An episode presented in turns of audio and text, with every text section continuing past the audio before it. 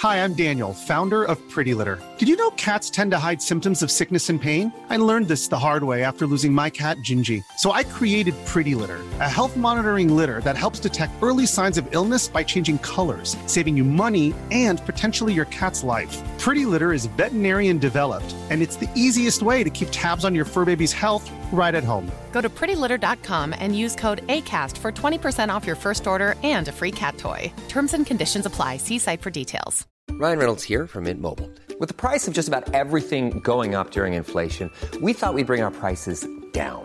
So to help us, we brought in a reverse auctioneer, which is apparently a thing. Mint Mobile unlimited premium wireless. Ready to get 30, 30, bit to get 30, bit to get 20, 20, 20, bit to get 20, 20, bit to get 15, 15, 15, 15 just 15 bucks a month. So, Give it a try at mintmobile.com slash switch. $45 upfront for three months plus taxes and fees. Promo for new customers for limited time. Unlimited more than 40 gigabytes per month. Slows. Full terms at mintmobile.com. Even when we're on a budget, we still deserve nice things. Quince is a place to scoop up stunning high-end goods for 50 to 80% less than similar brands. They have buttery soft cashmere sweaters starting at $50, luxurious Italian leather bags, and so much more. Plus, Quince only works with factories that use safe, ethical, and responsible manufacturing. Get the high-end goods you'll love without the high price tag with Quince. Go to quince.com slash style for free shipping and 365-day returns.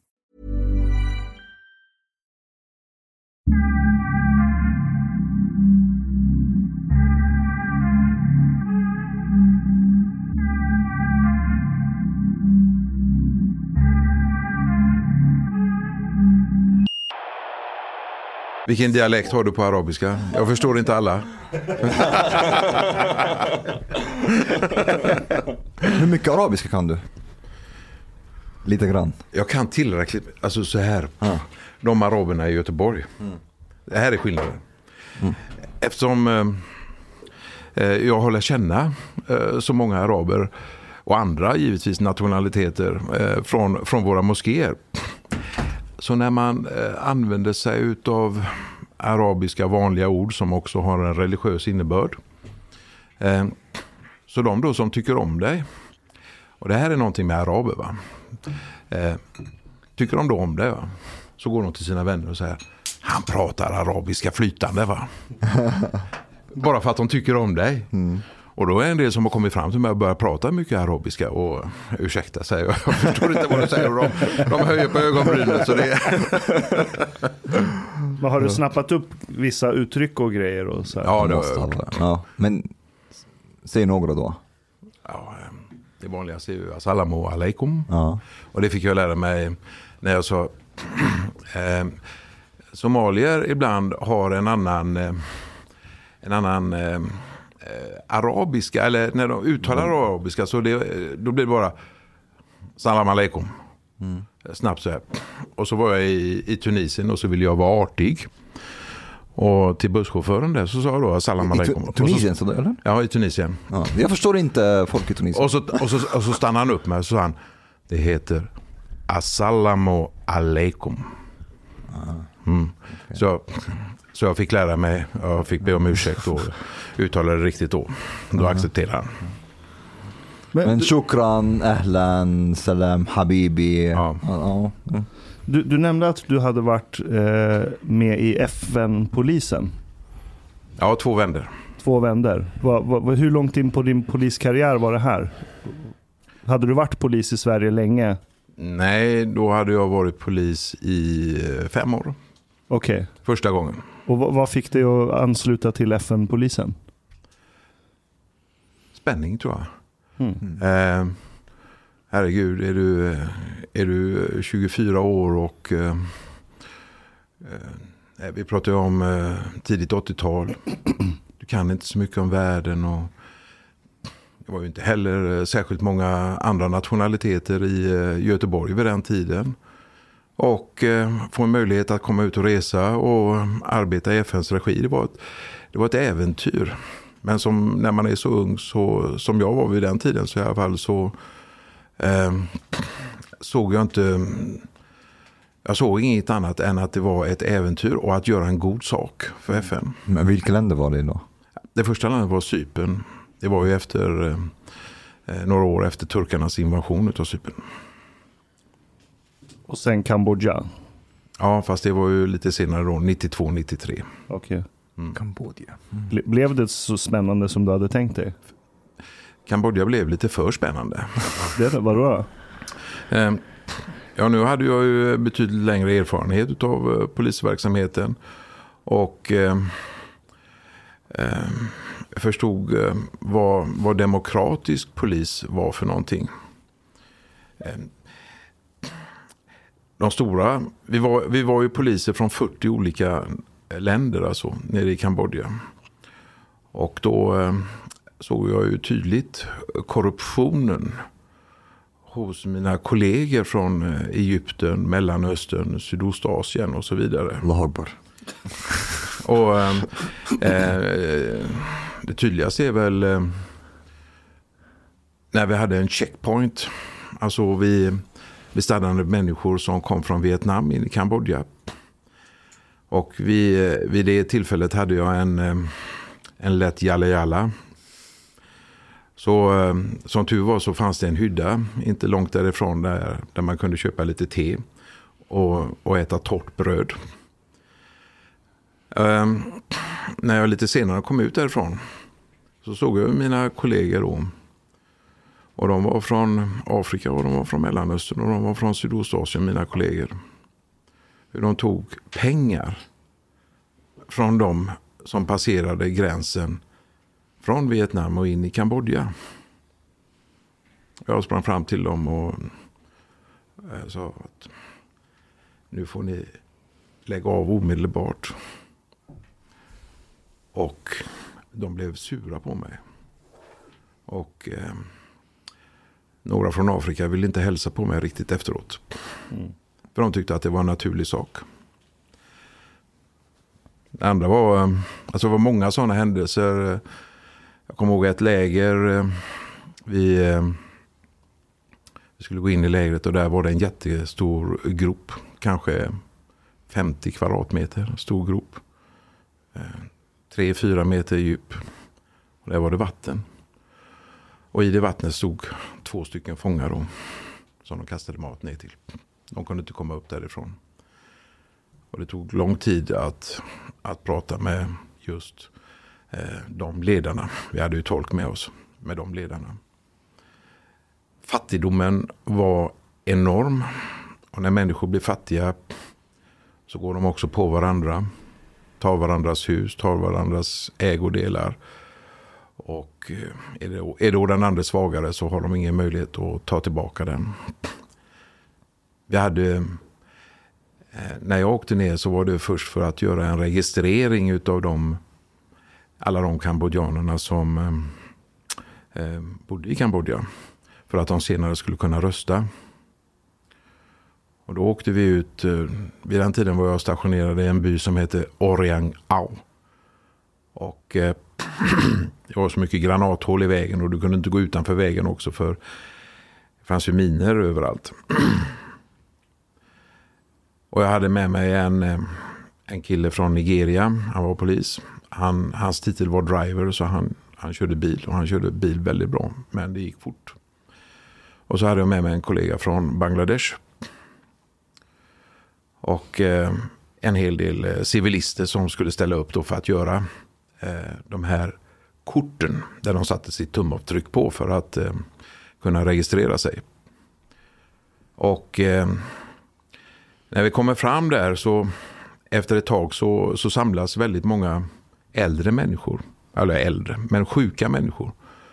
Jag kommer ihåg särskilt en som hade en, en, en stor påse så här under hakan. Alltså så, som en fotboll så här stor var den. Och eh, tolken ropade på mig och sa de vill prata med dig. Ja visst, sa jag. Vad vill de? Ja, du vill, de vill att eh, du hjälper dem med, med sina medicinska problem de har. Ja, då får du säga till dem att, eh, att jag är ingen läkare. Jag, jag är polis. Jag, jag är ingen läkare. Jag, kan- jag kan inte hjälpa dem.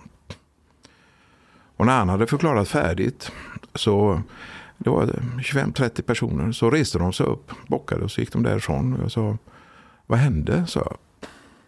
de vet att du är läkare. Men att du såg dem som för...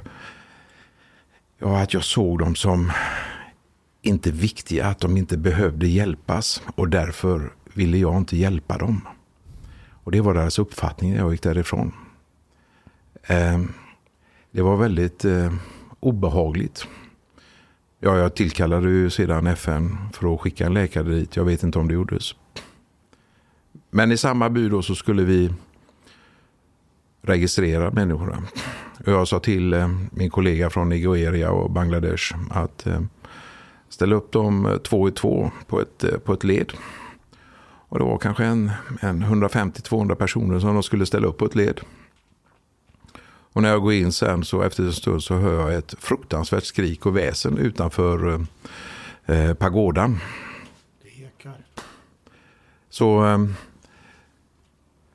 jag springer ut och så ser jag hur eh, min nigerianske kollega hur han har täljt en lång käpp. Så han, han slår in dem i ledet så här. Försöker få, eh, otympligt få, försöker få ett led på dem. Återigen, jag går ut och skriker stopp. Vad gör du för någonting? Ja, du, eh, du sa att du vill ha ett eh, led, säger han på engelska. Ja, ja, men du får inte slå dem. Det är ju mot eh, mänskliga rättigheter i FN-konventionen. Du kan ju inte slå på människor.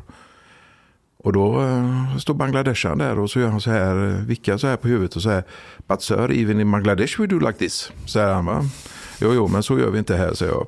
Så jag tar tolken och så säger jag till tolken att be människorna här att ställa sig två och två på ett långt led bara för att vi ska få en snabb procedur genom pagodan här så att alla får eh, sitt, eh, sin legitimation. Och han eh, säger någonting på karbonjanska som högst tar 8-10 sekunder. Varpå det tar inte särskilt lång tid förrän alla har ställt sig två och två på ett långt led. Så säger jag till min nigerianska och bangladeshiska kollega. Jag ser, det, det är bättre att tala med varandra. Och då räcker Bangladeshan upp ett finger så här va. Och säger Sir, You are a very intelligent man, säger han. samtidigt som han nickar på huvudet. Ja, samtidigt så här. Men alltså, eh, då förstår man hur, hur, hur stora skillnader det är på poliser och polismyndigheter, kulturer från olika länder. Och, och där korruption eller att slå på andra människor tillhör vanligheterna. Men lidandet var väldigt stort i Kambodja. Och fattigdomen var gigantisk. Och idag är, idag är väl Kambodja ett av de mest korrumperade länderna. Med stora skogsskövlingar och ett paradis eh, för eh, narkotika. But but was this the first time that you started to wonder about cultural differences? Um,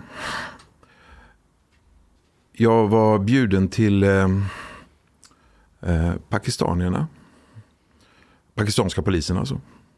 Och uh, jag fick en eh, vattenpipa av dem också. Uh, väldigt vänliga, väldigt trevliga mot poliser. Eh, men kunde då vara mycket hårda mot de som inte var poliser. Och det var inte bara pakistaner utan det var, det var många olika nationaliteter som hade, vad ska man säga, eh, icke så väl utvecklade mänskliga rättigheter utifrån deras FN-uppdrag. Och eh, eh, just kambodjanska buddhister de tycker att vit är en väldigt fin färg. Och, och då var det som så här att när det var något stort problem, riktigt stort problem. Ehm, då var det västeuropeiska poliser de ville ha. Som skulle komma och hjälpa till med de problemen. Mm. Och det har, det har ju, så som jag förstod det, handlar inte om att jag var en vit polis. Utan det handlar om att att man hade eh, demokratisk eh, form av att det skulle bli rättvist mellan människor. But, but, but this actually this is really interesting because um, the the police culture and the relationship between the police and the people varies a lot between every, like in Egypt for example the people don't trust the police at all and they're really afraid of the police because the police abuses the people. The police abuses both the criminals and the people. They don't discriminate uh, in this way. So i wonder also how much does this affect the relationship between immigrants who have come recently to Sweden from from the Middle East, for example, because they, they, they have always been scared of the police in their countries. And maybe mm, how, how does this affect the relationship and how they deal with the police in Sweden?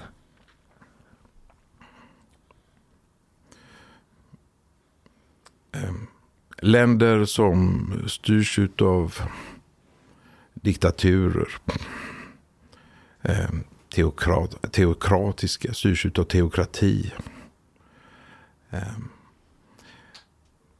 där, där, där ser man så mycket konflikter mellan olika etniska grupper och religiösa grupper inom landet.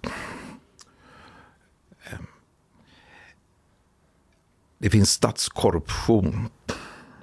Och människor har över lång tid, alltså hundra, förmodligen tusentals år, delat in sig i klaner och stammar.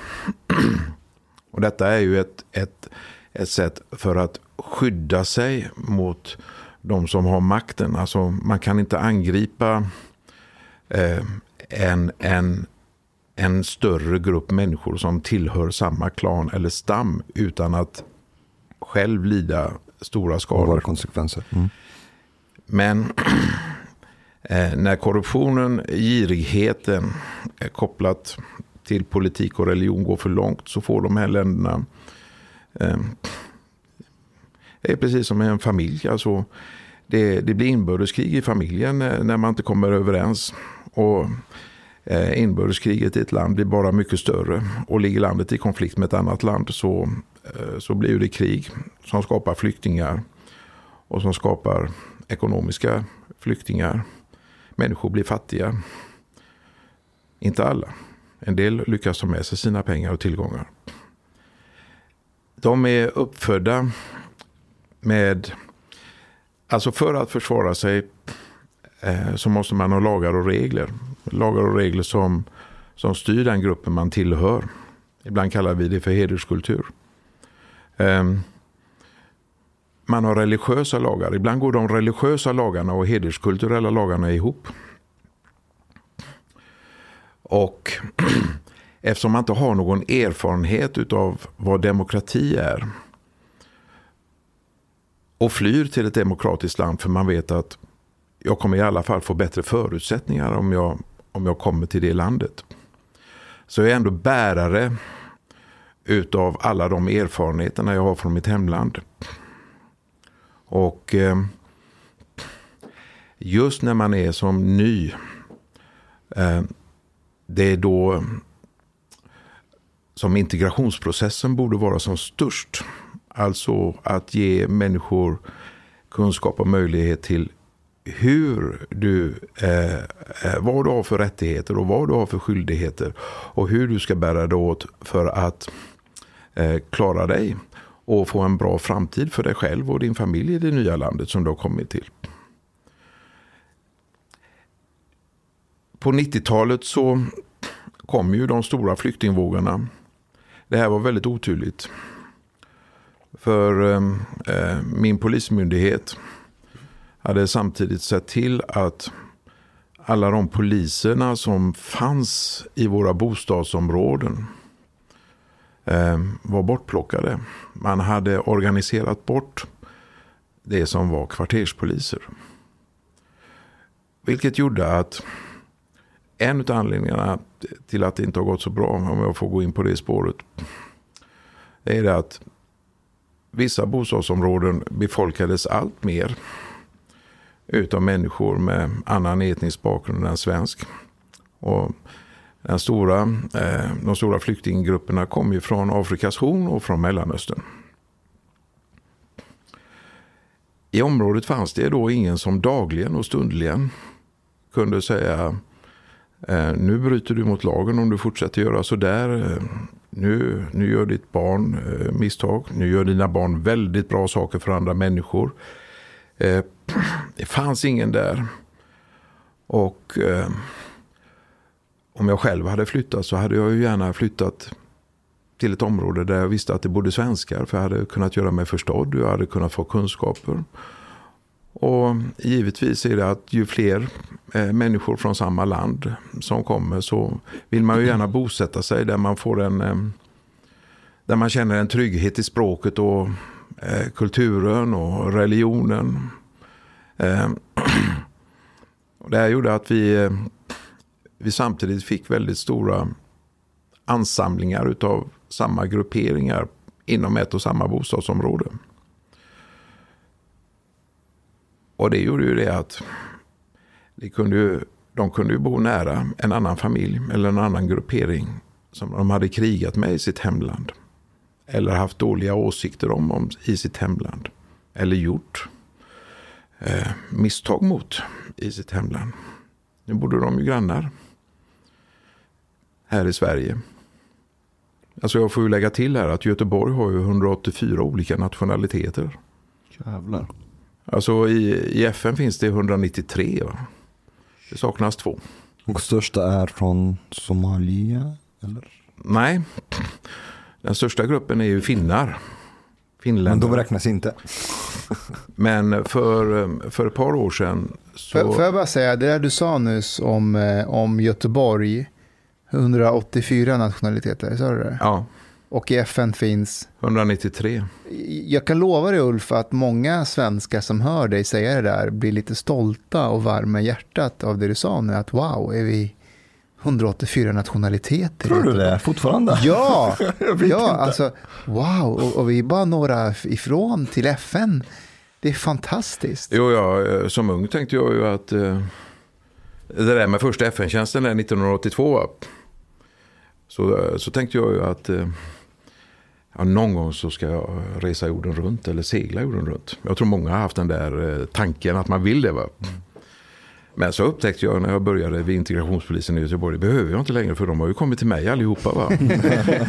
så att eh, räcker ju med en spårvagnsbiljett så kan man äta mat från hela världen och träffa religioner från hela världen. och kulturer och åsikter från hela världen. Och det, det har ju berikat mig något otroligt mycket. Men du Ulf, jag har ju sett dig i action i, i eh, Biskopsgården, i eh, Norra Bergsjön.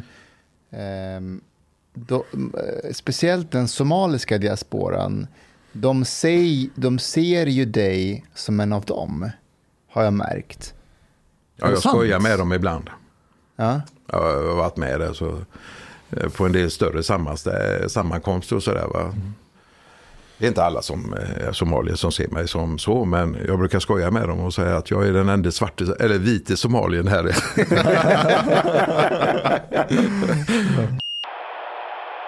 Ulf, hur har, har den somaliska diasporan, nu generaliserar jag, vad, vad är det som gjort att de har välkomnat in dig hos dem? För att eh, välkomnat in, alltså vi pratar om det här eh, människor som flyr till Sverige.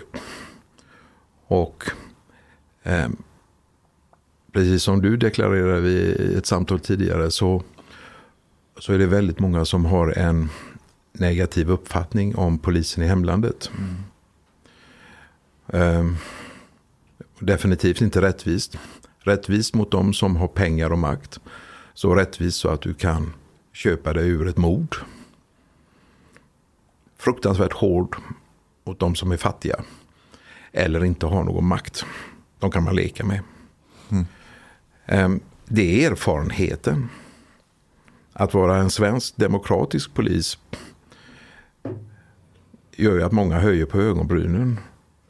Man visar respekt för den enskilde människans värdighet oavsett om den är svart, brun eller vit.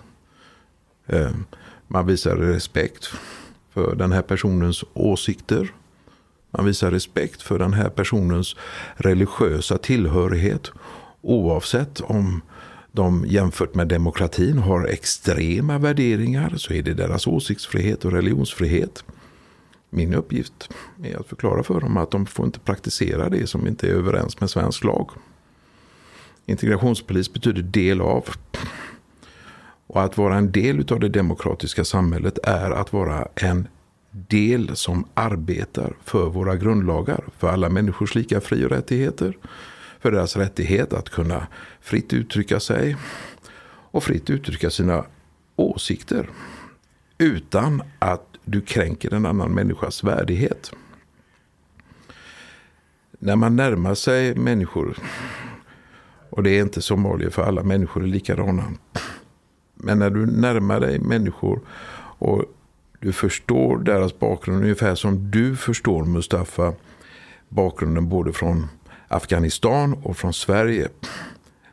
Så kan du bli den delen i det kommunicerande kärlet som förklarar saker, precis som du gjorde i din senaste bok. Du kan förklara vad som behövs för de unga och andra invandrare som kommer till Sverige. Och du förklarar också för svenskarna varför de ska förstå varför de behöver den här kunskapen som vi inte har gett dem. Du förstår bägge sidorna. Och därför är du accepterad från bägge sidorna. Så när man går in med respekt och eh, lyssnar på människor så får man så småningom ett förtroende. Och det förtroendet kan du bygga på genom att visa att du är du följer lagen och du gör det rättvist. Men du är inte där i första hand för att nita alla, för att sätta dit alla. För du vet att de utav okunskap gör fel. Och en, en del utav okunskap som vi kallar när man gör fel i, i brottsbalken så pratar vi ju om uppsåt. Alltså, du kan ha gjort ett brott va. Men om du inte hade uppsåt till det, inte ens om du hade ett eventuellt uppsåt till brottet så kommer du inte att dömas för brottet. Ja, kanske att du har varit vårdslös, men du kommer inte dömas för brottet. De här människorna har som, som kommer till Sverige som har en enorm kunskap om, om sitt egna land men som har väldigt lite kunskap om, sitt, eh, om, om det svenska samhället. De kan bara ta åt sig din kunskap om de har förtroende för dig. Annars blir du bara någon som eh, rabblar ut någonting och det var en bra text eller det var bra formulerat eller det var, det var, det var en klok mening som jag kanske har hört någon professor eller någon shejk eller någon profet uttala tidigare. Men det liksom glider ut. Förtroendet ligger i att du är nära människorna och, och är med i alla diskussioner. Men, men jag vill bara förstå också, vad är skillnaden mellan integrationspolis och en vanlig polis? Ehm, jag som integrationspolis, jag är egentligen en kvarterspolis. Men jag arbetar väldigt nära människor med annan bakgrund än etnisk svensk. Och som polis så håller jag mig där det är som besvärligast och inte där jag kan njuta och ha det som enklast. Och då måste jag vara på de platser, träffa de människorna i de områdena där bekymren är som störst. Och integrationen handlar om att på ett annat sätt än eh, det som har förevarit, alltså integrationspolitiken som har förevarit, att på ett annat sätt ge människor kunskap om hur lagarna fungerar i vårt land och vad som krävs för att vi gemensamt ska kunna arbeta med varandra i förtroende. Och får man det förtroendet och människor känner att du kommer inte utnyttja mig på något sätt. Du kommer inte använda mitt namn. Då får du också information och uppgifter om sådana som faktiskt gör väldigt grova brott i vårt land. Va? Jag vet många svenskar som åker ner till Thailand, ner till Bangkok. En normal svensk går ju inte till Hells Angels pub i Bangkok bara för att man är svensk. Vi vet ju vad det är för folk och vad de står för. Så eh, vi går inte dit helt enkelt. Och eh, eh, människor som kommer från andra länder här.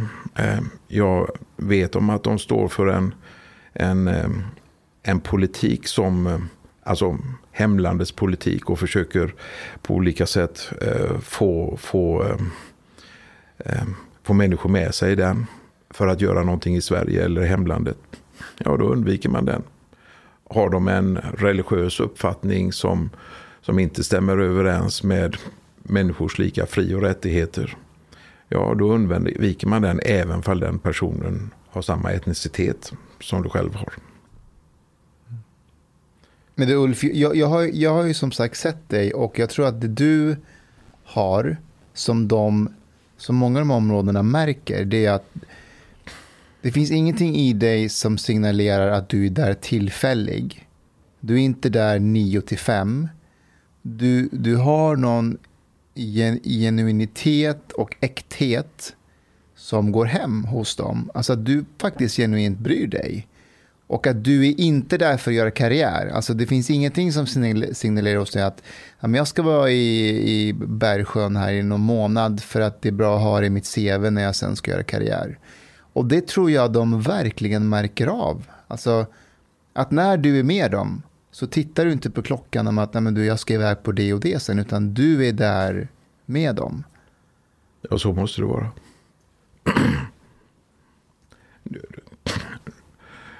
om det, om, alltså, när du är i, i olika möten som för den personen är viktigt eller för den här gruppen är viktigt så, så kan du inte titta på klockan. Du, du, du kan inte titta på klockan. Du, du kan bara lämna när det är färdigt. Och då måste du själv känna att ja men det här är färdigt och det jag sa det, det har fungerat. Jag, jag ser och känner att de förstår vad jag säger. Och jag förstår vad de har sagt till mig. Alltså en kvarterspolis, vi pratade ju om hundar förut. Att eh, poliser är vakthundar. Vakthundar för människors fri och rättigheter. Alltså oavsett var du kommer ifrån, oavsett vilken religion, politik eller uppfattning du har. Så är det min skyldighet att vakta så att du får uttrycka de fri och rättigheterna på det sättet som du själv finner bäst. Och med det sagt så får ingen annan lov att hota dig. Ingen får lov att utöva olaga tvång mot dig. Och givetvis inte misshandel. Grunden för att du ska kunna ha en demokrati är just att du har de här bitarna säkrade. Grundlagarna säkrade i samhället. Och då är du en vakthund där. När jag började som integrationspolis så... Vilket år var det här? Eh, 2005 tror jag det var. 2005. Eh, så när jag, när jag började så hade jag hade jobbat i centrum hela tiden. Givetvis gjort de där FN-tjänsterna. Jag hade ju väldigt lite kunskap om eh, de olika länderna, etniciteterna, religionerna och så vidare. Alltså extremt. Ja, som, som poliser har mest som inte har eh, samröre med, med, eh, med invandrare. Du har ju förmodligen lärt en hel del eftersom du jobbar i Järva. Va? och eh, det var som så här att när du bara har med dig eh, och vårat epitet som vi har inom poliskåren. Alltså regelverk för hur en polisman ska uppträda. Den säger som så här. En polisman ska visa respekt mot allmänheten för att på det sättet få deras förtroende. Ni känner igen det? Det betyder att en polismyndighet ska visa respekt mot allmänheten så att allmänheten får polismyndigheten, så att eh, allmänheten får polismyndighetens förtroende. Missbrukar man det förtroendet i form av att människor dör, misshandlas, hotas, utpressas, skadas på olika sätt. Eh, då ifrågasätter man ju polisens arbete. Och jag blev väldigt ifrågasatt. Jag visste inte vad jag skulle svara på alla dessa frågor om varför tar ni inte hand om dem? Ni vet ju vilka busarna är, varför tar ni inte hand om dem och så vidare. Jag kunde inte ge bra svar på den tiden. Ehm. Min kunskap har jag fått för att somalier, Afrikas hornfolk, sydamerikaner, mellanösternfolk, asiater har uppfostrat mig i hur jag ska bemöta dem. Jag fick min skola och min utbildning utav dem. Det var ingenting som jag hade kunnat läsa mig till på någon kurs. De utbildade mig och sa, tala till mig på det här viset. Jag bjuder dig på en kopp te. Ulf, det du pratar om nu det är ju kulturkompetens. Det vill säga att man har en kompetens inom kulturen av de personer som vi möter. Precis, och de har olika kulturer. Va? Men gör du det med förtroende och respekt så säger de kom och ät middag hos mig. Och till slut säger de min dotter ska gifta mig, jag vill att du kommer på hennes bröllop. Mm, men... Eller kan du gifta dig med min dotter? okay, men till mig säger de inte det. De, de, de inser att jag har passerat en viss åldersgräns. Va? Känner du att de kriminella är rädda för poliser, poliser eller inte? Och är det viktigt att de blir rädda för poliser? Definiera kriminella. Gängkriminella, gängkriminella. i, Gäng, gängkrim, gängkriminella. Ja. De som sitter säkert och på mycket pengar. De, de träffar du inte. De är inte ens i Sverige. Eh, gängkriminella, under begreppet det så går ju Hells Angels, eh, Bandidos, Men i orten då? Red and White Group. Ja. När du pratar om kriminella och du pratar om ungdomskriminella, alltså mellan 15 och 30 år, om det är dem du pratar om. Shottaz, Vårbynätverk, de, de ja, där killarna. Om, om, du pratar om dem. Mm. Eh, de har aldrig haft någon eh, normal kontakt med en, med en polis. De är rädda. Men deras attityd är hård. Och när de är många och polisen är få eh, så är de väldigt, inom citattecken, modiga i grupp. Och eh, det har blivit allt värre ju längre åren har gått. Och det beror på att vi inte har varit i områdena. Vi har inte pratat med... Alltså, jag, jag ska bara säga om det här känner du säkert igen Hanif också. Alltså, många av de här killarna, när vi tar dem, alltså de tuffaste killarna, när det är bara vi och dem, alltså poliserna, med, de, de, de, de kan börja gråta. Alltså de är rädda, de, de kan säga så här, snälla slå mig inte. Jag har varit med om det. Men, men när de är i gäng, som ett flock, då, då triggar de varandra. Men ensamma kan de vara otroligt rädda och, och nästan nojiga. Är, är det någonting du känner igen? Eh, det här handlar framförallt om de unga personerna som eh, tillhör generellt sett svansen. Som är på väg in i kriminalitet. De är rädda. De som har varit med, de som är ute på gatan, som tillhör olika nätverk. De har ju haft med oss att göra så pass länge. De är inte rädda för oss och de är, överty- de är medvetna om att det blir inga konsekvenser för dem. Okay. Det blir inga konsekvenser för dem. Polisen kommer dit och visar sig stor och stark och ska vara tuff. Men det renderar i ingenting. Okay, but I have a question. Like, uh, so, quite often we see these videos on Twitter and stuff. Folk som hånar poliser eller kallar, kallar även uh, invandrarpoliser för husblatt och... Omar, får jag visa en filmklipp? Det här ja, är när jag var ute och jobbade. Det här är några år gammal. Men hur representativa är det av, av hur det ser ut i verkligheten då? Men det känns som om det är näst, nu är det väldigt mycket folk. Är det att folk har kommit tillbaka från någonting? Hej, Hanif. Sträck inte fram din hand. Ja, vadå då? Ja, absolut. Lyssna på vad jag säger till dig. Igår, vänta, vänta, igår, vänta. igår alla, alla höll på med det. Förstår du vad jag menar? Alla höll på med det.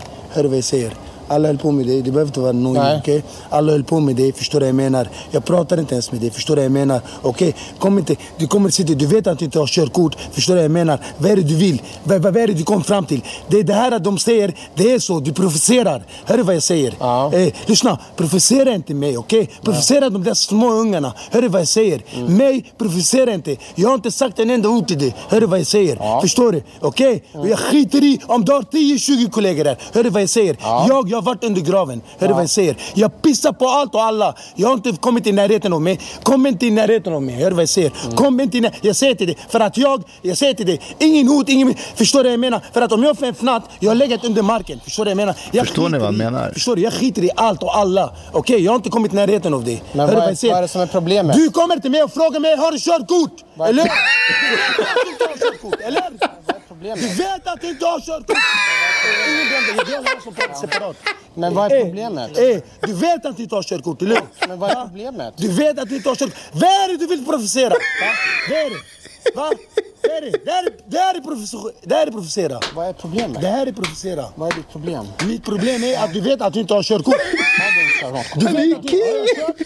Jag satt i bilen. Du, ja, har jag kört? Du vet att du inte har körkort. Ja. Varför frågar du, har du körkort?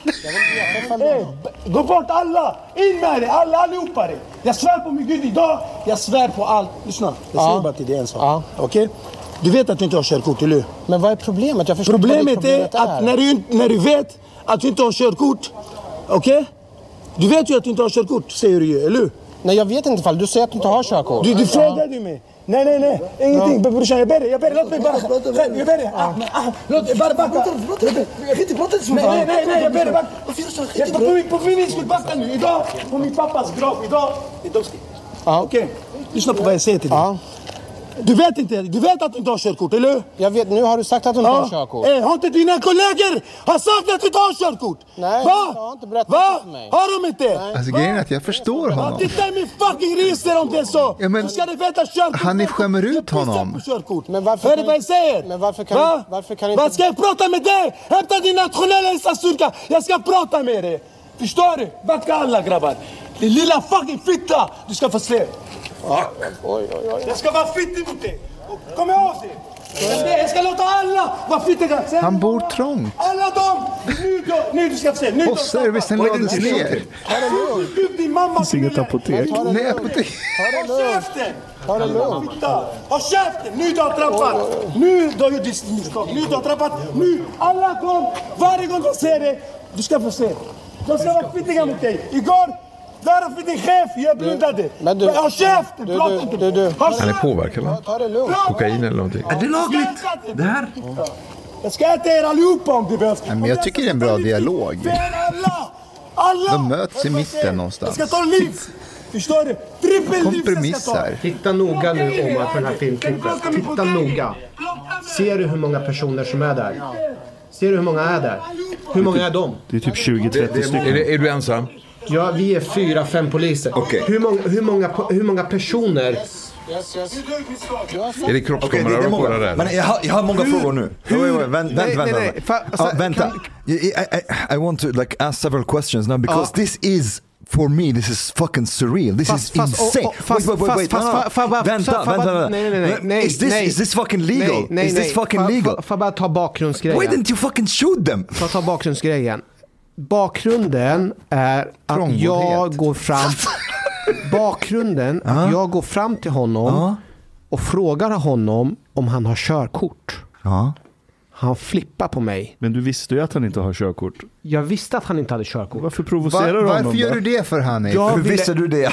Jag, eh, känd där. han, Han satt, satt han, satt, han, satt, han satt bakom ratten på en bil och min kollega kommer att säga att den här killen är påverkad. Hade det här varit någon annan stad i hela Sverige så hade polisen gått in, slitit ut honom, bojat fast honom, Ja. kört honom direkt till polisstationen och rapporterat honom. Ja. Men för min del, när jag jobbar i mitt område, jag gick bara fram och frågade om han hade körkort. Från början så var det, hände det ingenting. Men du såg på videon hur många personer som var på plats. Hur många personer var det som var på plats? Det var 20 eller någonting 20 eller sånt. 30. Okej. Jag- jag tycker mig bara säga- låt mig-. Låt mig bara säga en sak till. Hanif. När jag går in och får den här, eh, eh, när han går verbalt till attack mot mig. Jag ser inte att det är 30 personer. Jag tror att det är 50 personer. Jag förstår. But I, I- I have a, okay, many questions now. First of all, with this situation, um, would it have been any different if you were like 20 police over there, Ja. what would you have done? If you Då- had då 20 hade- police with you? Om vi hade varit 20 poliser då Ja. hade jag gått och agerat precis som vi skulle gjort i någon annanstans. Man hade gått och tagit, liksom, dragit honom, eh, tagit med honom till polisstation, eh, kontrollerat huruvida han hade narkotika på sig eller inte. Att han var på... Socialtjänsten, okay. haft ett Ja, samtal. men, äh, Mustafa, låt oss ha Okay, ett seriöst okay. samtal nu. Ja. How do you think? Wait, wait, wait, wait, wait. How do you think this like the fucking optics? Of, how do you think this is? This is like de, de förnedrar Ja. polisen. Och- och- och- how do you think han- the other criminals or like the, the people, eh, eh, not the, even the criminals, the people there, when they see that those guys are talking to the police Exakt. in that fucking way, Exakt. do Om they- han, kan hota, om han kan hota en polis, vad, vad, vad spelar det för roll om han går och hotar de andra? Vem ska komma och hjälpa honom? Om This is- han kan hota polisen utan konsekvenser, hur, hur blir det då? Är, vi de här, är de rädda för oss? Är, Alltså, är vi sen- de här What vakthundarna? chance does Sweden have if, this if this is happening? What the Sen, fuck? sen borgarna började urholka Ja, men välfärden. sluta Mustafa, du, kom igen nu. Kom igen nu, försök vara lite seriös. I'm actually I'm really provoked. What Vad the fuck? tänker du Ulf när du ser den här Omar, filmklippet? andas lite. Ulf, när du ser det här, vad, vad går igenom ditt huvud? Ehm, vi har eh, liknande situationer i Göteborg. Men jag är väldigt sällan utsatt för det. Och Det har att göra med att när du kommer nära de olika etniciteterna i de här invandrargrupperna så är de uppbyggda av klaner. Oavsett om det finns kriminella nätverk, släktverk inom klanen eller fall det så att säga är vanliga hyggliga medborgare. När jag går till moskéerna, till föreningarna, när det är bröllop, när det är begravningar som jag har varit med, så är det de viktigaste, de högsta, de äldsta personerna i klanen som hälsar mig välkommen. Alla vet att jag är polis. Och de killarna som bete- skulle bete sig så mot mig, de hade vetat att jag hade gått till de som var högst och sagt att de här ungdomarna respekterar inte mig.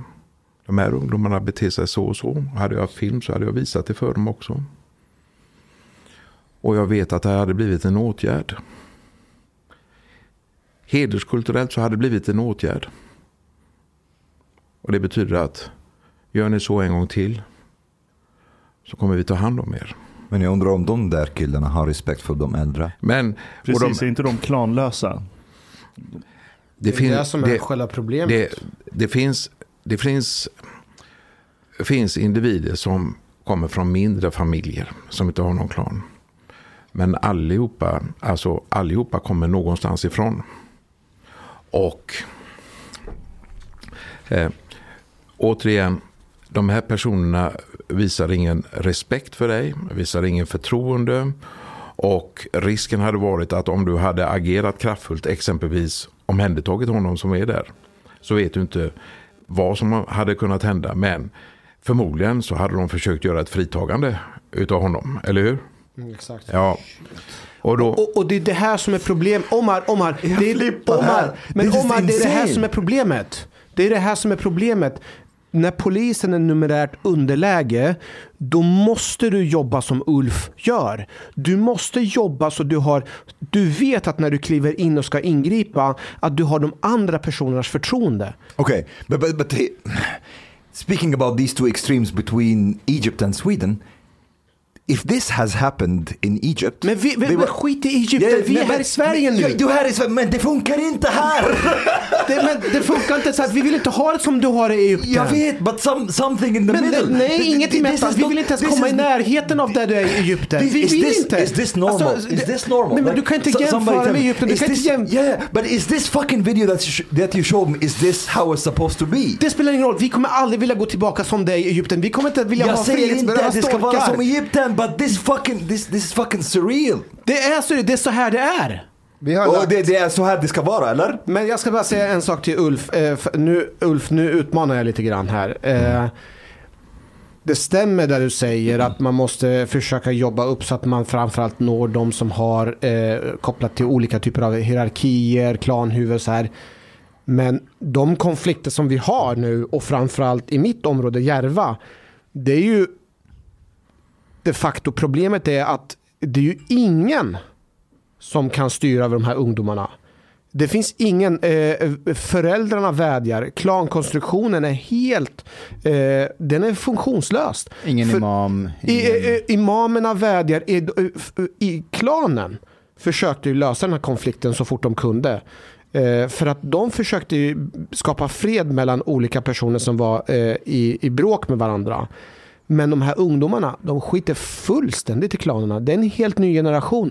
De har ingen kontakt med den gamla somaliska kulturen, hela klangrejen. Och de accepterar inte den svenska kulturen. Så varken det somaliska eller svenska spelar någon roll, utan det är bara eh, ja, gå omkring och mörda som gäller. Det är anarki. Och det är anarki och det handlar om att döda andra för att inte dödas. Och det är därför det ser ut i vårt område att vi har 17 mord och bara ett av de här morden är lösta. Men Ulf, vad, vad, vad tänker du om det? Alltså man, eh, jag, jag måste ta ordet här lite grann. Och, eh, och säga först, jag har ju, eh, jag har ju 43 års erfarenhet av polisarbetet. Och den här typen av situationer kunde helt enkelt inte hända på 80-talet och början på 90-talet. Det gick inte. Ingen ungdom kunde bete sig på det här sättet. Va? Utan att polisen agerade. Och i det här fallet som du visade. Jag hade agerat kraftfullt i det fallet. Va? Du hade det? Vad sa du? Alltså på 80-90-talet? Ja, visst. Ja. Så, Även Eh. om du hade varit i numerärt underläge eller? ja, visst, de andra hade inte vågat göra någonting. Ja, ah, okej. Vad är skillnaden då? Fast jag ska jag bara ko- kommentera det här. Hade du gått- gått in och agerat i det här så hade du legat på backen. Säkert. Du hade fått en spark i ryggen och så hade du fått flera sparkar mot huvudet. Säkert. Och, Eh, Ulf, eh, när, när du säger att 80-90-talet att man hade reagerat, poliserna där. Ja, visst. Eh, Hur, hur, på vilket sätt har det ändrats att man inte agerar nu? Och hur hade omgivningens respons varit på hur polisen reagerade då jämfört med idag? Det som var tidigare. Det var det att vi hade närvarande socialt uthålliga poliser som arbetade i bostadsområdena. Och som lärde känna alla människor som bodde där. Man lärde känna föräldrarna, barnen, kusinerna, mormor, morfar och farfar, farmor. Eh, man lärde känna de som var ensamstående. Man lärde känna ensamstående eller pensionärer som var ensamma. Eh, vi var i skolan. Vi hade, vi hade utbildningar på den tiden. För barnen i lågstadiet, ja då var det trafikkunskap och de fick cykla och räcka ut handen och gå över övergångsställen och sånt här. I mellanstadiet eh, så hade vi brott och straff och förklarade att längsta straffet i Sverige var eh, livstidsfängelse. Vilket de flesta än idag inte vet. Eh, och i högstadiet så gick vi och pratade om alkohol, droger, moped och hjälm. De poliserna som var i området där fick barnen, förutom att de såg polisen varje dag, där fick barnen också officiellt klart för sig att polisen hade bra kontakt med skolan. Och när vi var i skolan så visade vi läraren respekt. Och då förstod barnen automatiskt att läraren känner polisen. Va? Men det du pratar om Ulf, Ja, är men, alltså... men jag, jag, jag försöker bygga upp här vad det var som skapade förtroende och respekt. Och social kontroll. Social kontroll utövades utav föräldrarna. Men när barnen gjorde fel så fick de en chans. Kanske två. Men tredje gången så fick de inte den chansen. Då tog vi med dem upp till föräldrarna. Och föräldrarna hade redan förtroende för mig. De visste att jag ljög inte på deras barn, jag ville inte deras barn illa. Och då tillsammans med föräldrarna och en själv, polisen själv, så hade man då ett uppfostringssamtal med det här barnet och gav det en chans. Så att säga. Och föräldrarna visste om att om vi inte, alltså underförstått va, att om vi inte klarar av det här, om det nu var ett, allvarligt, ett allvarligare fel, om vi inte klarar av det här, så kommer ju du som polis gå till socialtjänsten och säga att vi får göra ännu större ingrepp. Det här var klart i bostadsområdena. vad jag sa tidigare var det att Polismyndigheten gjorde det stora misstaget att ta väck alla de närvarande socialt uthålliga poliserna som var i området och som skapade det här förtroendet för en rättvis polismyndighet. Och samtidigt så kom enormt stora flyktingvågor till Sverige och bosatte sig här. Men nu fanns inte de som skulle skapa den integrationen med svensk lagstiftning. Inte assimilationen utan integrationen. Och när det inte fanns så var det de som hade andra tankar, idéer eller ren okunskap som började säga så här gör vi våra samhälle, eh, så här gör vi vårt bostadsområde.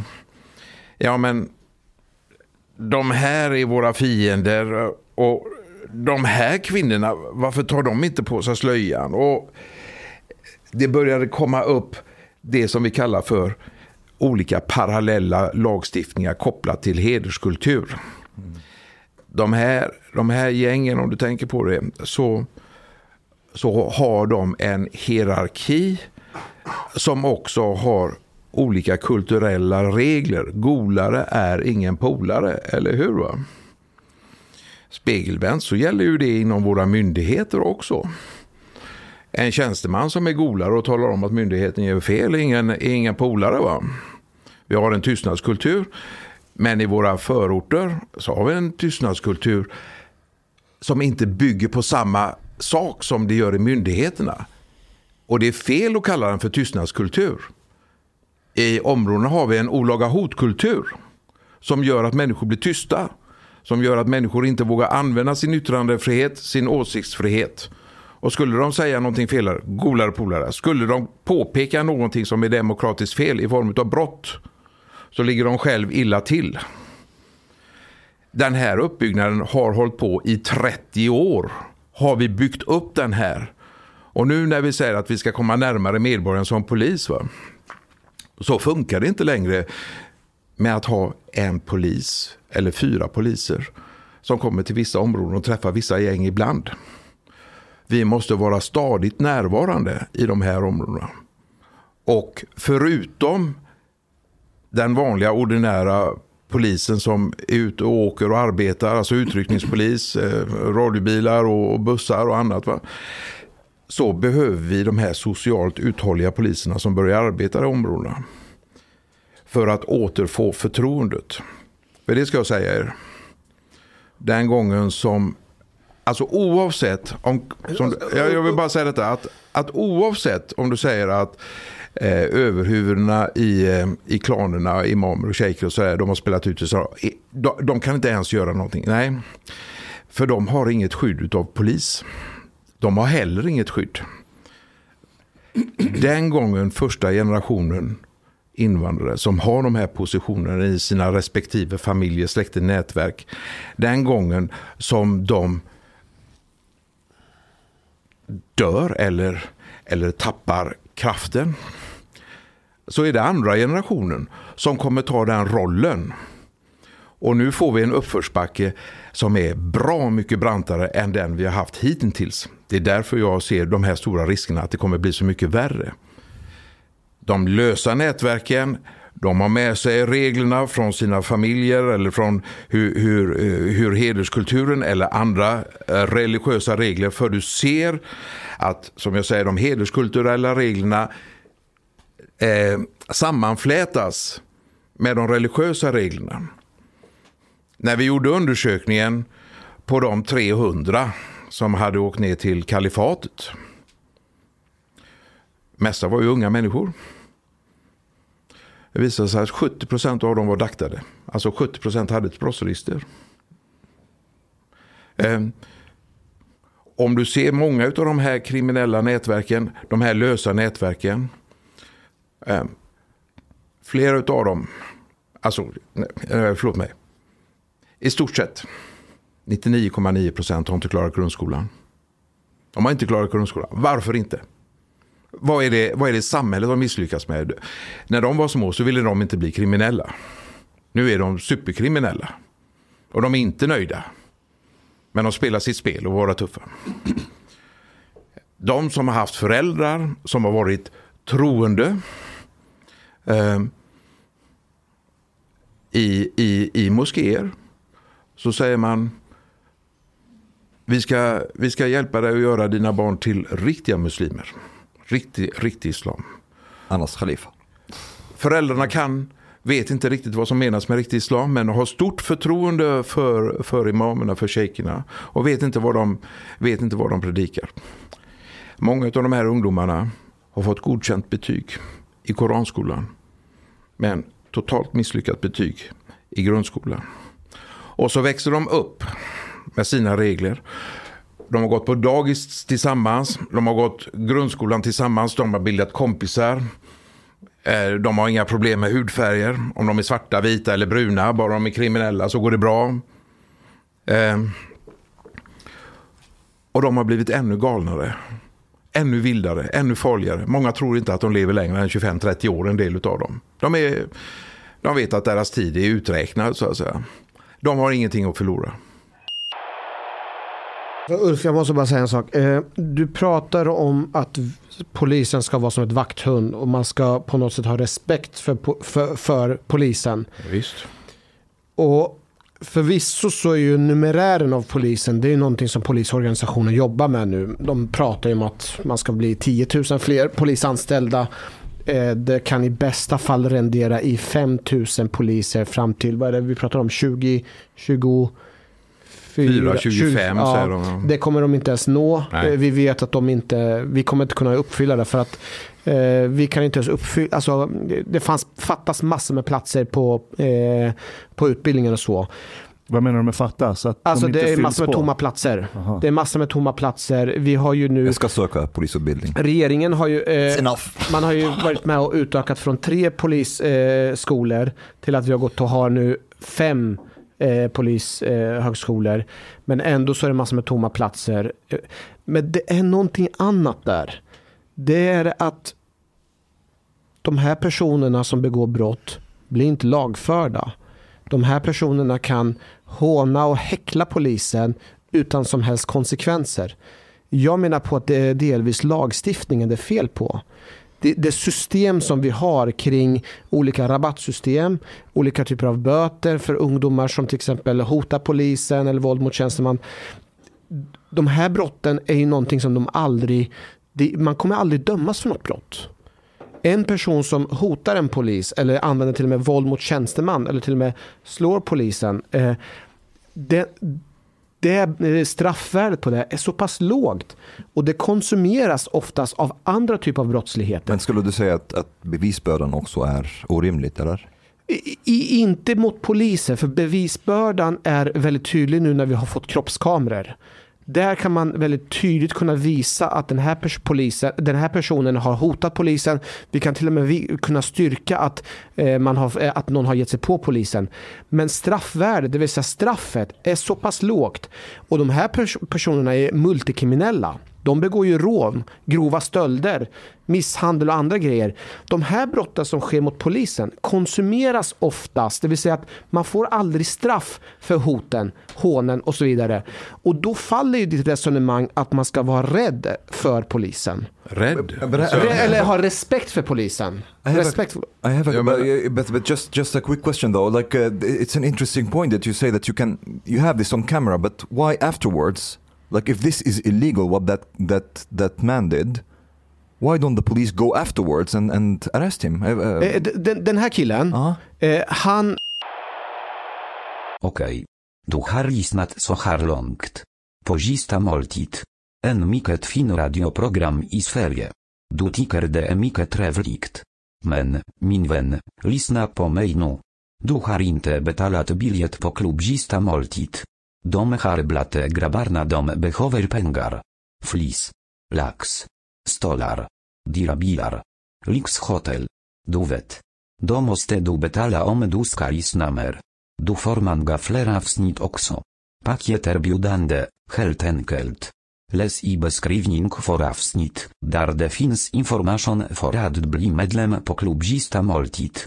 Detko star somen miket liten kafe late ute potoriet per monat. Let somen plet. Tak, minwen.